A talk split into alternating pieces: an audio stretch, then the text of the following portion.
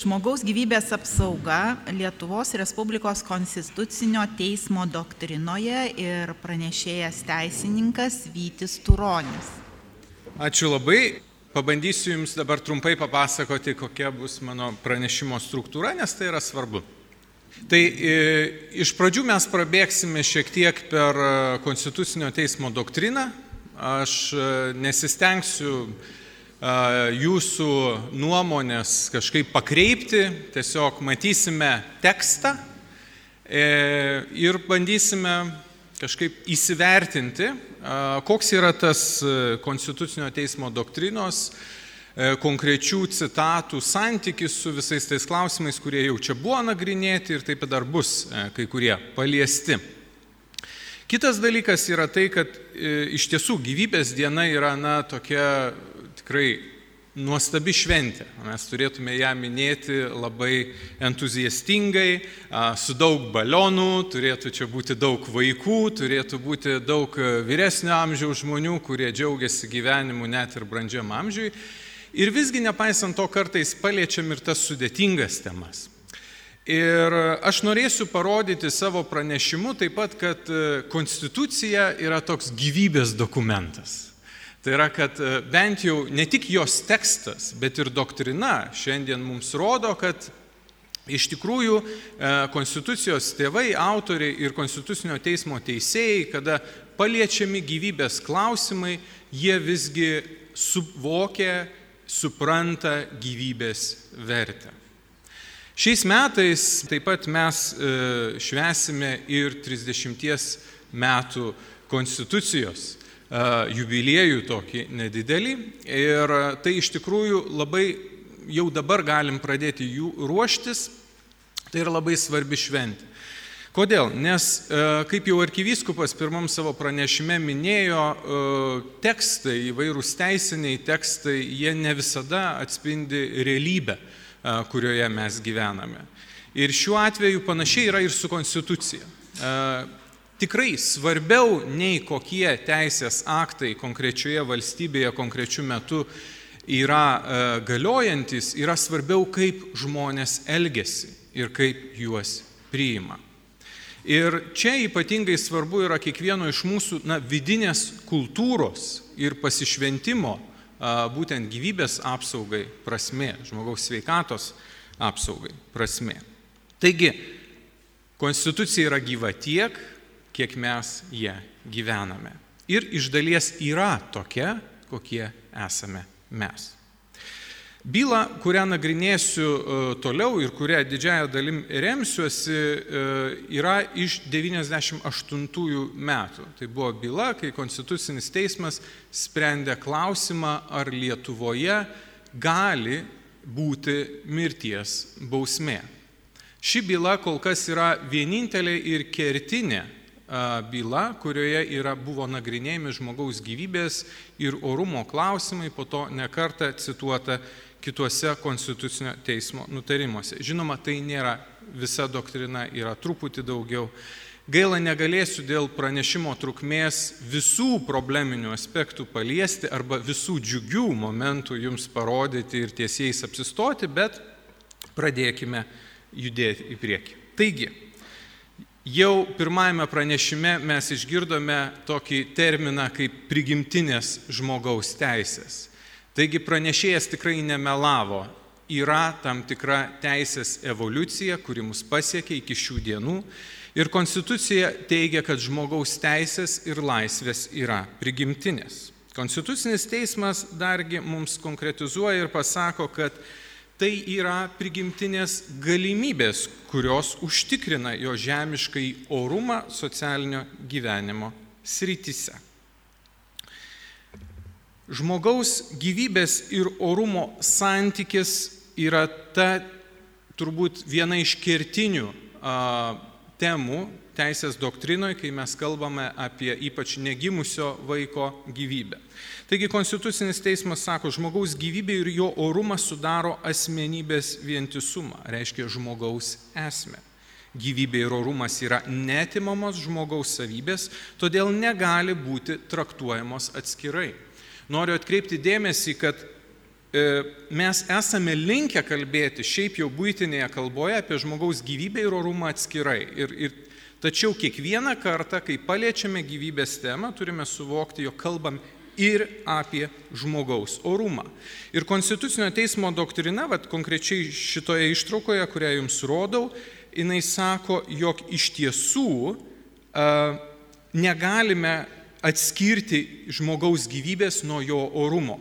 Mes negalime kvestionuoti, negalime vienu momentu pasakyti, kad yra žmogus ir šis žmogus neturi orumo, arba yra kažkokia būtybė, e, kuri turi galbūt kažkokį orumą žmogiškai, tačiau jai nepriklauso teisės į gyvybės apsauga. Ir čia Konstitucinis teismas, pasižiūrėkit, kaip man patinka, fantastiškas dokumentas, sako, taigi žmogaus gyvybė ir orumas, kaip išreiškinti žmogaus vientisumą ir jo nepaprastą esmę, yra aukščiau įstatymo. Labai svarbu žodis - aukščiau įstatymo. Ir čia šiandien nuskambėjo um, pasakymai, kai kurie interpretacijos apie mūsų teisinės sistemos būklę, mes prie to dar prieisim. Bet konstitucinis teismas ir pati konstitucija mums sako, kad kažkas yra aukščiau įstatymo. Tai yra labai svarbu mums šiandien įsiklausyti. Konstitucija pati gino, gina tą, kas, ką skelbė esant aukščiau įstatymo. Teisės į gyvybės apsauga yra užtikrinama ne tik valstybės įstatymais, Tačiau atkreipkite dėmesį, kad Konstitucinis teismas pabrėžė, jog yra visa plati teisinių priemonių sistema, kuria yra ginama žmogaus teisė į gyvybę, taip pat įtvirtinta Konstitucijoje, kituose įstatymuose ir ne tik atkreipė dėmesį, kad kartu ją gina ir religijų ir kitos socialinės normos. Ir mes labai dažnai įvairiose diskusijose, politinėse diskusijose esame, na, lyg ta, diskursas, kuriame mes dalyvaujame, būna lyg suredukuotas. Mes kartais paimam vieną aspektą, vieną teisės aktą ar, ar e, kažkokią tai poziciją eksperto vieno. Ir čia Konstitucinis teismas sako, žiūrėkit, ne, kada kalbam apie žmogaus gyvybės apsaugą, mes turime žiūrėti žymiai plačiau Turim apimti žymiai platesnį spektrą diskusinių probleminių a, temų, taip pat ir kalbėtojų. Dėl to negalime teikti, kad pavyzdžiui e, moralės argumentai ar religiniai argumentai negali būti naudojami diskurse dėl gyvybės apsaugos. Ir tą aš sakau jums ne iš politinių kažkokių perspektyvų, aš tą sakau grįsdamas savo teiginį paties Konstitucinio teismo doktrina, kurios jis šiaip lengvai negali išsižadėti. Interesų balansavimas yra labai svarbus, kai mes kalbame apie įvairias žmogaus teisės. Ir noriu atkreipti dėmesį, kad Konstitucinis teismas labai įdomiai paima rakursą, kai kalba apie žmogaus teisę į gyvybę, jisai sako, kad net bendri interesai demokratinėje visuomenėje. Ir čia aš noriu Jums priminti, kad čia yra citatos iš bylos, kur kalbama, ar valstybė turi teisę įvykdyti mirties bausmę ypatingai baisiem nusikaltėliam. Eina kalba apie tai, kad valstybė turi interesą, kad tie žmonės neištrūktų į laisvę, nepadarytų daugiau nusikaltimų, nepražudytų daugiau gyvybių ir taip toliau. Čia nėra šiaip viena gero žmogaus gyvybė prieš kito žmogaus gyvybę klausimas. Čia yra apskritai principinis žmogaus gyvybės klausimas. Taigi Konstitucinis teismas sako, kad bendrų interesų apsauga demokratinė teisinė valstybėje negali paneigti konkrečios žmogaus teisės apskritai. Ir čia aš palikau šitą citatą teisinės reikšmės gal nelabai turi, bet man tiesiog e, norisi pamastyti apie, galvoju, kaip žmogus, kuris rašė šitą nutarimą, nes už kiekvieno nutarimo yra žmogus ir konkretus teisėjai, kaip jis jautėsi tuo metu, kai jis sakė, rašė, E, teisė į gyvybę yra kiekvieno žmogaus prigimtinė teisė, ji yra nedaloma, arba gyvybė yra, arba jos nėra. Toks, suprantat, labai rimta, man kaip teisininkui tai yra labai įdomus pareiškimas. Ir apskritai, kai skaitom 98 metų šitą gruodžio 9 dienos nutarimą, aš pradedu mąstyti, kad, kad konstitucija nėra tik teisinis ar politinis dokumentas. Tai yra dokumentas, kuris liečia ir atspindi mūsų taip pat ir dvasinės gelmes ir žmonių uh, pasišventimą ne tik tam tikrom vertybėm, bet ir loginiam mąstymui kaip dalykui.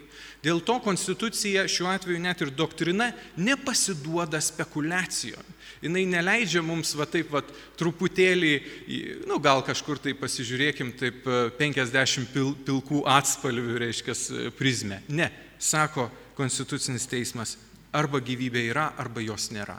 Gyvybė yra, gyvybė gina įstatymas, gyvybė ir žmogaus orumas neatsiejami, prigimtinės teisės yra šiuo atveju aukščiau įstatymų. Taigi, Jo, dar grįžtant truputėlį dėl interesų balansavimo. Čia Konstitucinis teismas pasisako apie bendrus interesus ir jų apsaugą demokratinėje visuomenėje, naudojant valstybės prievartą.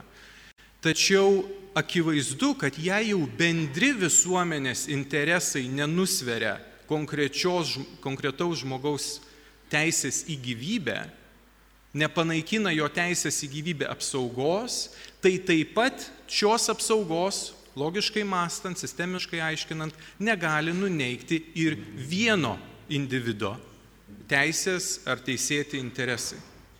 Tai toks balansavimas šiuo metu yra matomas Konstitucinio teismo doktrinoje. Ir šiuo atveju galiausiai Konstitucinis teismas baigia mintimi, kad visgi draudimas bausti mirtimi yra negalimas. Konstitucijos 19 straipsnio normoje nėra nustatyta jokių išimčių, kurios valstybės vardu leistų atimti gyvybę. Todėl galima teikti, kad Konstitucijos 18 straipsnį numatyta išskirtinė prigimtinių teisų apsauga iš esmės užkerta kelią nustatyti mirties bausmę. Labai rimtas pareiškimas. Šitam pareiškimui mano žiniomis tuo metu, kai Konstitucinis teismas priiminėjo tokį nutarimą, e, prieštaravo e, labai didelė dalis teisininkų bendruomenės. Tai buvo sprendimas, kuris pranoko savo laikų netgi teisininkų bendruomenės moralės mm, laipsnį, sakykime, ar, ar pažiūras. Ir dėl to Konstitucinio teismo teisėjai tikrai buvo na, drąsūs, kūrėjai nebijantis atsisakyti to, kas Lietuvos teisinėje sistemoje, jau demokratinėje, prieštaravo žmogaus teisėms ir konkrečiai prigimtinės žmogaus teisėms. Be abejonės, e, Konstitucinio teismo teisėjai negalėjo nematyti, spręsdami šią bylą ir visų kitų su žmogaus teisėmis susijusių probleminių klausimų. Rašydami šią doktriną, be abejonės jie pramatė, kad argumentacija, kuri buvo panaudota šioje byloje, galės būti naudojama ir turės kaip precedentas būti naudojama ir sprendžiant kitus su gyvybė susijusius klausimus. Taigi, svarbu a, dar grįžti šiek tiek prie žmogaus asmens klausimo. Ir jau buvo paminėta, kad E, žmogaus gyvybė ir orumas yra aukščiau įstatymo, tačiau įstatymams, jų kokybei vidiniai yra keliami ir tam tikri pozityvūs reikalavimai. Konkrečiai iš Konstitucijos kyla pareiga, kad įstatymai turi užtikrinti, jog žmogus bus saugomas nuo bet kokio nepagrysto išorinio valstybės, savivaldybių institucijų, jų pareigūnų ir tarnautojų, taip pat kitų asmenų poveikio jo gyvybei, sveikatai ir taip toliau. Taigi, kada šiandien mes kalbame apie mūsų teisės sistemą ir labai dažnai na, iškyla vienokių ar kitokių politinių argumentų a, siaurinti žmogaus gyvybės apsaugą, mes nebejotinai turime prisiminti, kad žmogaus gyvybės ir sveikatos apsauga ir sveikatos ypač tiek, kiek jinai yra susijusi su žmogaus gyvybė, yra įstatymų leidėjo prioritetų sąrašai ir turėtų būti, ir tai kyla tiesiogiai iš Konstitucijos. Taip pat e, kalbama doktrinoje ir apie įstatymų leidėją, dar tiksliau. Žmogaus orumas šiuo atveju turi būti saugomas būtent įstatymais. Prielaidos žmogaus gyvybės apsaugai turi būti numatytos įstatymuose. Konstitucinis teismas įdomių kampų visgi kalba apie žmogaus teisės į gyvybės apsaugą. E, ir kartais Konstitucinis teismas savo doktrinoje pasisako, kad, na, lyg Konstitucija yra toks neutralus įvairių ideologijų atžvilgių dokumentas, aš tam ne visai pritarčiau ir noriu atkreipti dėmesį, kad čia galima išryškinti visgi Konstitucijoje esančią liberalią esmens neliečiamybės sampratą. Ir čia vat, visiems liberaliem asmenim dėrėtų nu, šitą turėti omeny. Taigi, ką Konstitucinis teismas sako, ir jūs galite atpažinti, jog čia yra toks na, vat, liberalus uh, suvokimas žmogaus teisų ribojimo. Sako, galima teikti, kad asmens neliečiamybė nustato kitų asmenų laisvės ribas. Tai yra pastarųjų elgesys leisinas tiek, kiek jis nepadaro žalos kitų asmenų asmens neliečiamybei. Ir vėl grįžtame prie žmogaus teisų ir laisvių balansavimo, nes visgi, kai kalbame apie žmonės, mūsų bendrą sugyvenimą kyla įvairių atskirų interesų kurie ne visada sutampa ir ne visada eina tą pačią kryptimį. Kartais, na, neslėpkim to, tai pačiai valstybei yra galbūt patogu, kad vieni žmonės ar kiti neapkraus jos socialinės apsaugos sistemos ar sveikatos sistemos. Ir čia šitas įsipareigojimas arba įpareigojimas yra taikomas ne tik uh, asmenim atskiriem, bet ir e, pačiai valstybei. Taigi, atrodo tokia graži doktrina ir tiek gražaus visko pasakyta apie žmogaus gyvybę, orumą, jo apsaugą. Visgi dabar laikas pakalbėti ir apie dramblį kambaryje. Ir aš labai džiaugiuosi, kad šiandien gali, galiu kalbėti na, ir medikų bendruomeniai. Nes su visa pagarba gerbiami medikam, bet teisinė prasme medikų pasaulyje požiūris į teisę yra apverstas aukštinkojom. Ir jeigu aš paklausčiau, koks teisės aktas yra pats, na, toks autoritetingiausias e, medikų bendruomenėje, tai bent jau studentai man drąsiai atsako ministro įsakymas arba tvarka. Teisininkų bendruomenėje už tokį atsakymą studentas tikrai neišlaikytų jokio egzamino. Ir kodėl tai yra svarbu ir medikam visgi grįžti prie to, kad Lietuvoje galioja konstitucijos viršenybės principas, nes konstitucija saugo ne tik prigimtinės žmogaus teisės kaip tokias, bet ir jūsų profesinę praktiką, konkrečiai kiekvieno mediko sąžinės laisvę. Ir dabar pereisiu prie labai konkretaus pavyzdžio, kur galim panaudoti tas žinias, kurias mes ką tik girdėjome iš konstitucinės doktrinos.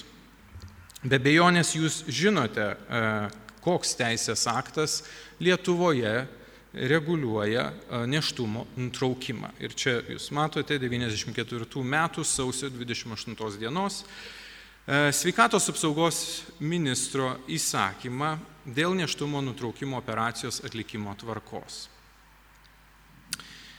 Tai va, dabar prisiminkim tai, ką ką tik girdėjom. Žmogaus teisės, prigimtinės žmogaus teisės ypatingai saugomos, jis, jo žmogaus teisė į gyvybę yra aukščiau įstatymo O prieš jūsų akis, kolegos, yra neįstatymas. Tai yra poįstatyminis aktas. Konstitucinis teismas ne viename savo nutarime yra pažymėjęs, kad poįstatyminiais teisės aktais negali būti įtvirtinamos, siaurinamos ar plečiamos žmogaus teisės. Šiuo atveju Lietuvos įstatymai nenumato teisės į neštumo nutraukimą apskritai. Šis teisės aktas konstitucinė prasme yra neteisėtas, nes jis neturi jokio įstatyminio pagrindo. Seimas nėra prieėmęs jokio įstatymo leidžiančio ministrui priimti šį įsakymą.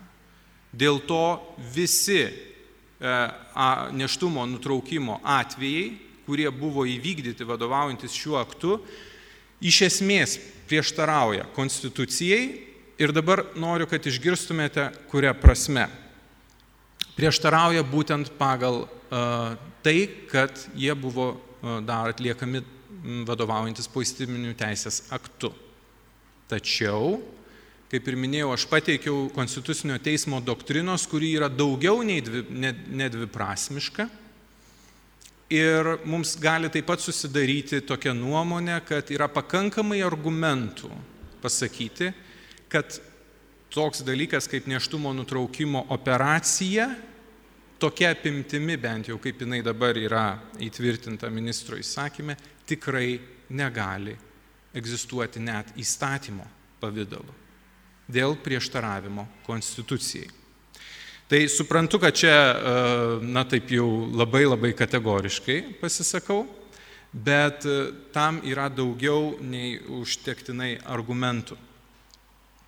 Taigi, teisės aktų hierarchija. Pagal konstituciją su žmogaus teisų ir laisvių turinio apibrėžimu ar jų įgyvendinimo garantijų įtvirtinimu susijusi teisinį reguliavimą galima nustatyti tik įstatymų. Matote.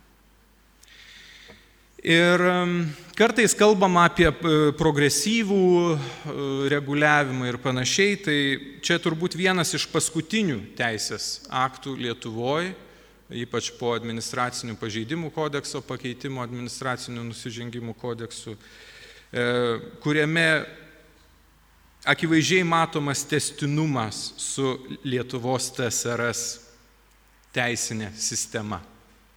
Taip pat ir mirties bausmė, e, kurią Konstitucinis teismas panaikino 98 metais, taip ir šita neštumo nutraukimo tvarka e, nebejotinai vieną dieną prieis um, savo patikros konstitucinės momentą. Na ir čia tik tai pabaigai visiškai be bejonės reikia pasakyti, kad Konstitucinis teismas ypatingai pabrėžia valstybės institucijų, pareigūnų pareigą ginti žmogaus teisės. O ypač svarbu, kad vykdydami jiems patikėtas funkcijas jie patys nepažeistų žmogaus teisų ir laisvių. Konstitucinis teismas ir konstitucija yra gyvas dokumentas tiek, kiek mes jį įgalinam. Ir Konstitucinio teismo teisėjai puikiai supranta realybę, kad norint keisti realybę, na, mes turime pradėti gyventi kitaip. Deja, gali būti ir taip nutinka, kad kartais mes gyvename valstybėje, kurioje de facto reguliavimas, kuriuo vadovaujamės, yra prieštaraujantis toms vertybėms, kurias mūsų tauta yra įsipareigojusi ginti savo konstitucijoje. Ir baigiu šita citata, kur galvoju pasidarysiu marškinėlius su šitu užrašu, nes e, turbūt vienas tokių ryškiausių sveiko proto teiginių konstitucinio teismo doktrinoje. Arba gyvybė yra, arba jos nėra. Ačiū uždėmesi.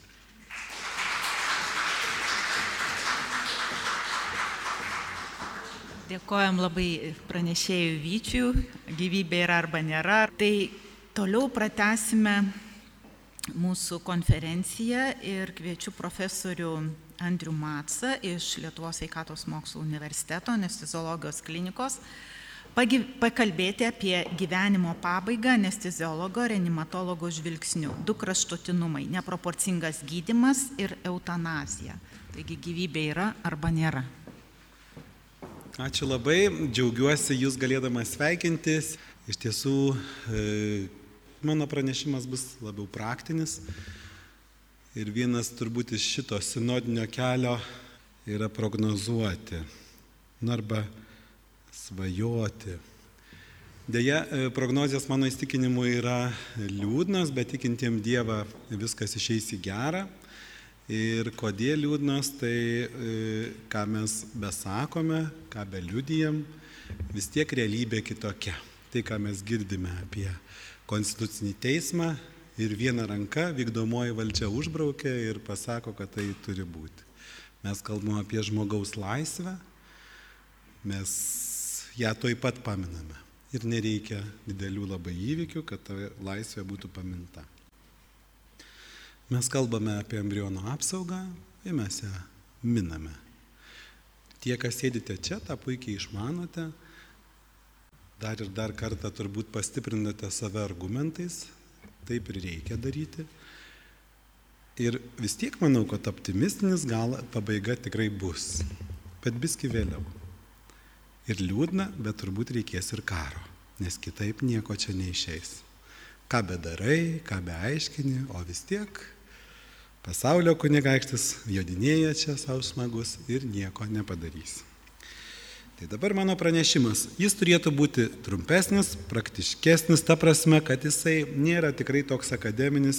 Kągi, gyvenimo pabaiga nesizologo reanimatologo žvilgsniu. Čia yra e, visiškai praktinė patirtis, tą, ką mes matome kasdieną ligoniniai.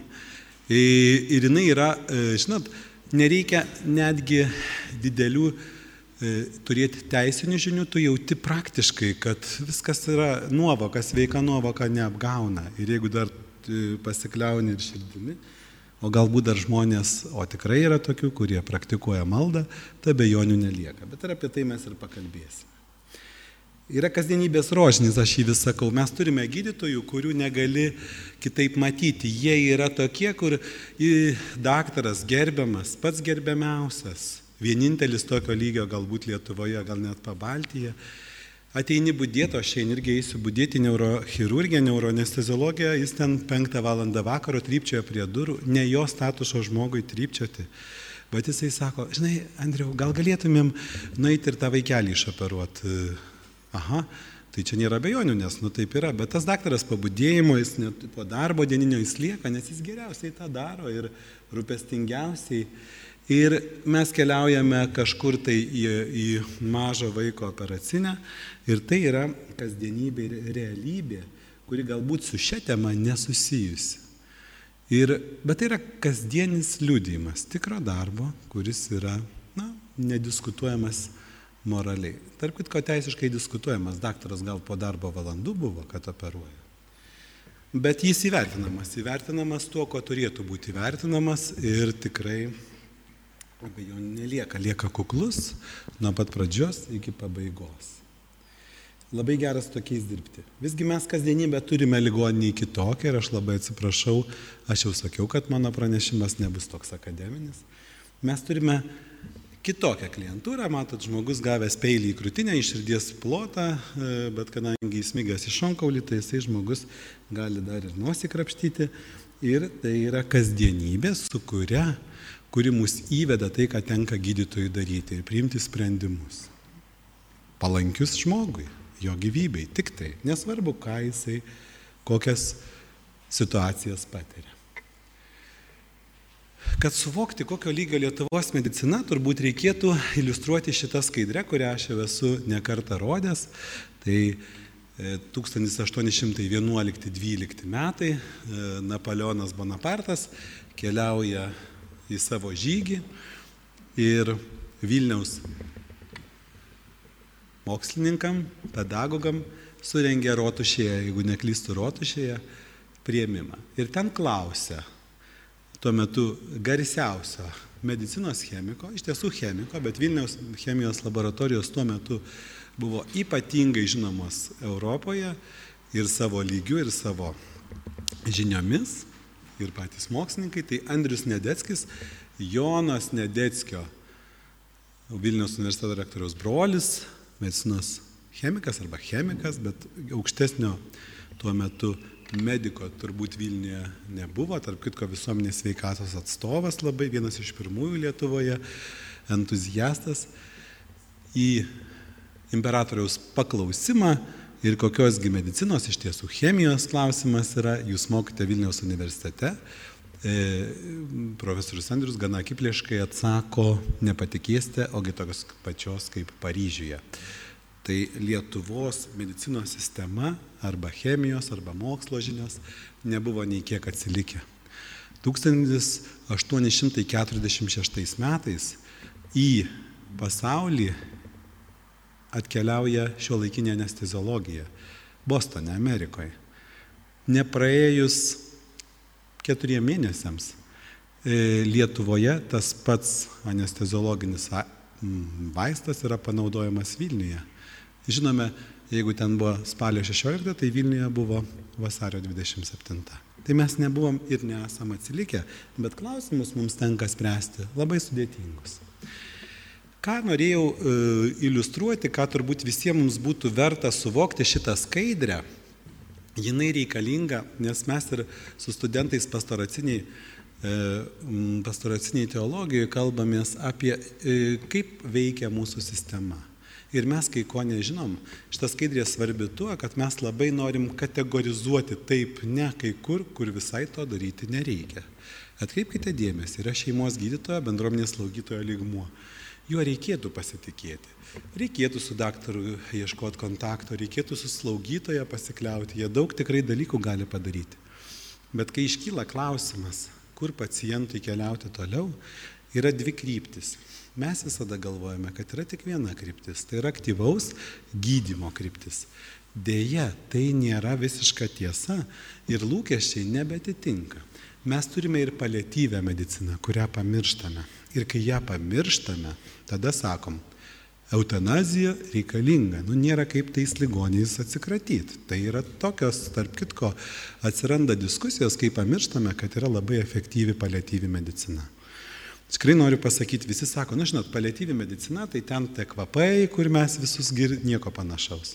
Jeigu jūs paimsite, čia yra gydytojos ir turbūt ir, ir jų komandos iš, pavyzdžiui, Petrašiūnų slaugos ligoninės, tai jūs matysite, kokia yra e, tikrai, kokia tai, e, kokio tai yra lygio e, gydimo ir slaugos įstaigos. Kai pamirštam paliatyvę mediciną, turime problemą. Todėl, kad viską norim pavesti aktyviam gydimui. Ir mes tą vadinamą aktyvų gydimą skirstome į specialų ambulatorinį ištyrimą ir gydimą, na ir stacionarinį ištyrimą ir gydimą. Ir taip sudėtingas ligonis, kuris turėtų būti galbūt jau paliatyvioji priežiūroje ir suprastos jo galimybės, jis numigruoja iki intensyvios terapijos ir čia prasideda klausimai labai natūralūs, kurio kyla mums kaip specialistams. Intensyvi terapija būklė, kurias vat, jūs žiūrėsite ir jums nekels jokių abejonių. Tarkim, buvęs sveikas jaunas vyras patyrė traumą staiga, ar jį gydyti iš, iš visų, žinoma, nėra abejonių. Vaikas, neščia moteris, jauna mama, čia niekas nekels abejonių ir daug tokių situacijų, kur mes turime taikyti labai intensyvų gydimą ir net nediskutuoti. Aš mokiausi rezidentūrai 2001-2004 metais, šiame tūkstantmetyje. Viskas buvo daug tvarkingiau mūsų galimybėse ir supratime. Intensyvi terapija būklės, kai atsiranda abejonių. Na pavyzdžiui, 98 metų moteris, serganti gilė demencija, nevaikštanti slaugyta namuose, o tiesiog yra per prievartą, netgi kitą kartą dėl labai konkrečių priežasčių, kurių nenorėčiau įvardinti, bet aš jas galėčiau įvardinti, bet kadangi tai keliaus į visą Lietuvą, tai susilaikysiu. Bet tai yra tikrai labai na, tokie praktiški, nemalonūs norai iškelti iš savo namų ar iš savo kažkokios tai erdvės tokį pacientą kaip nepatogu. Duodu kitą pavyzdį. 78 metų vyras, kuris penkis metus jautė bendrą būklės blogėjimą, pastarėjai du metai ypač sunkus, nepaina ir sunku apstarnauti dėl bendros būklės.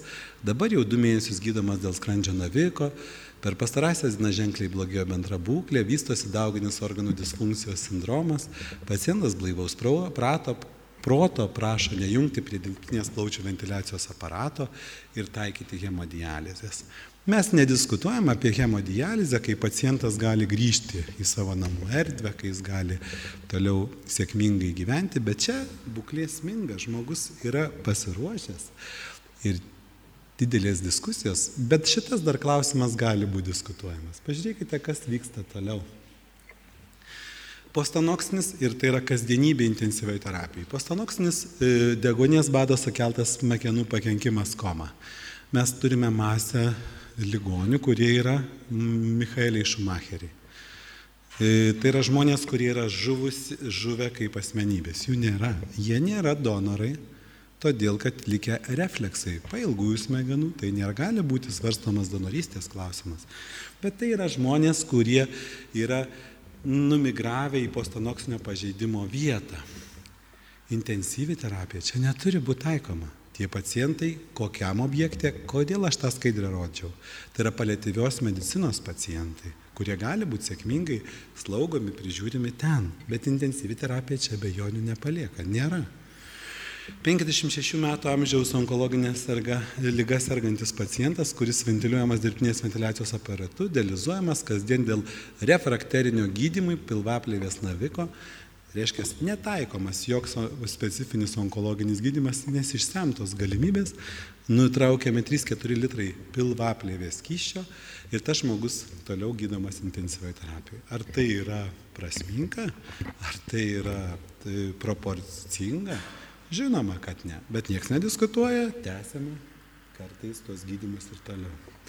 Arba pavyzdžiui, 88 metų amžiaus lėtinė obstrukcinė lyga serganti pacientė nuolat ventiliuojama dirbtinės ventiliacijos aparatu, suformuota tracheostoma, šiuo metu per mėnesį jau trečią kartą gydoma dėl sepsio, kraujo iškretimo ir visas pastarasis, pastarasis mėnuo yra intensyviai terapija. Proporcinga, neproporcinga, nėra ką net kalbėti.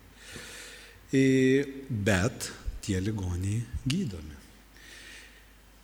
Aš labai noriu pasakyti, kad didžiulė pergalė buvo ir vėlgi e, turbūt Lietuvoje toks profesorius e, Šeškevičius, e, ilgalaikis, ilgametis slaugos fakulteto dekanas Lietuvos sveikatos mokslo universitete, tikrai žinomas ir tikinti žmogus, žinomas savo paliatyvios medicinos vystimu, tą, ką mes pamirštame, traktuojame, kad čia nereikalinga, tada pradam kelti klausimus, reikalinga mums eutanazija ir kitie dalykai. Tai labai madinga šiuo metu yra.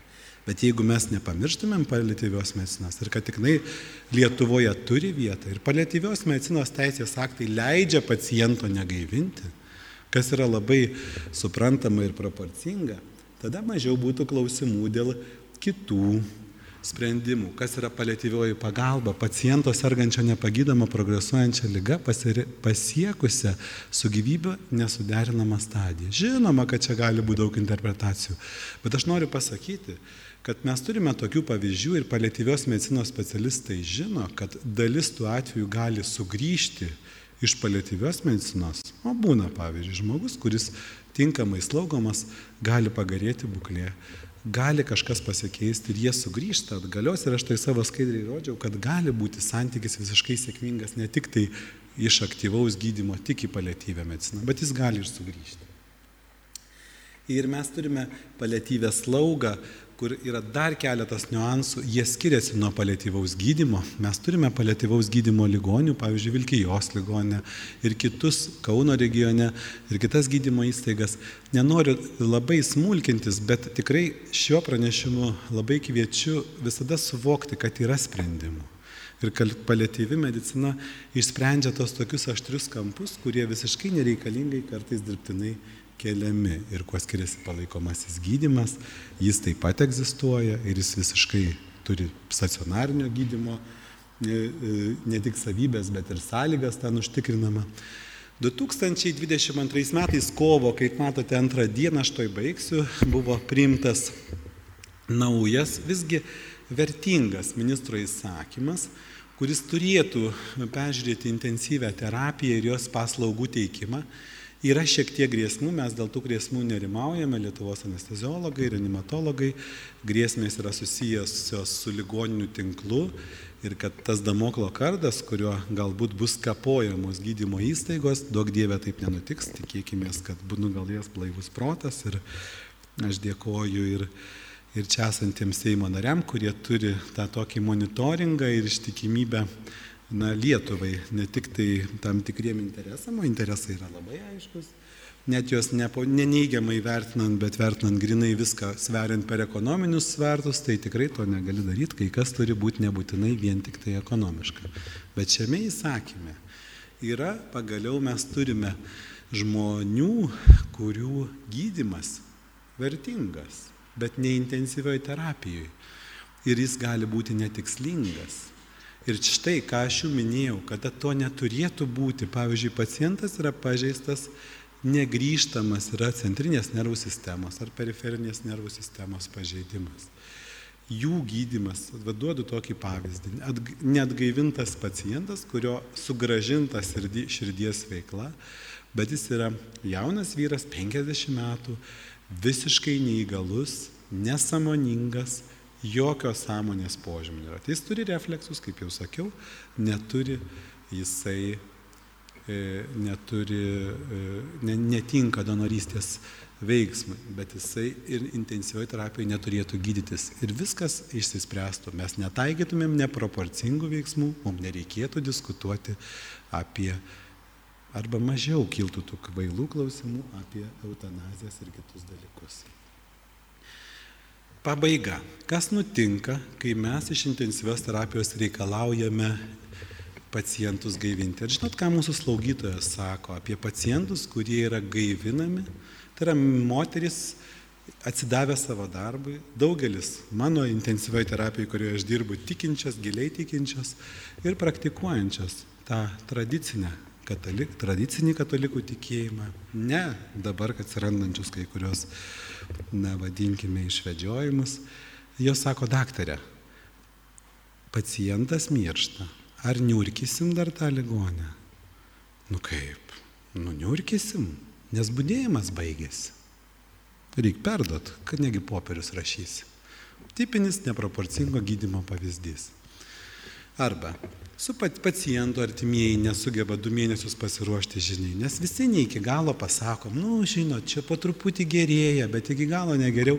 Ir taip viens kitam po truputį meluojam, gaunam rezultatą, kad, pats, kad kažkas tos slaugytojos varto, gydo, e, e, trys gydytojai nusprendžia, kad jau tikrai pabaiga, ketvirtas ateina, paima tyrimus, paima naujus antibiotikus, paskiria. Teisinio palaikymo tikrai reikia ir aš labai tikiuosi, kad tas, kas atsirado šiemet, bus panaudota geram ir mes turėsime vis mažiau ir mažiau neproporcingo gydymo.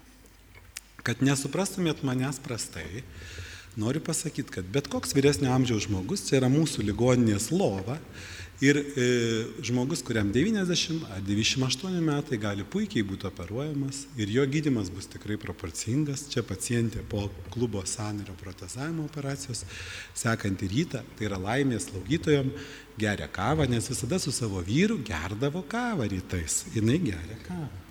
Čia galbūt jau šiek tiek šaržuoju, bet tie pacientai, kai kurie tikrai yra e, vyresnio amžiaus labai guvus ir jie yra mūsų objektas ir negali būti net diskutuojami klausimai. Tai labai norisi, kad e, mes turime svajonių, mes turime praktinį e, norą visus gydyti ir tą žino turbūt nei vienas gydytojas E, neturi noro pakengti ligonį, jeigu jis yra sveikas, lygiai taip pat ir slaugytojas, bet visgi proporcingas ir, ir e, tikrai net nuovoka, ne tik teisė grįstas pajautimas yra labai svarbus. Ačiū Jums labai uždėmesi ir linkiu tolimesnės sėkmės.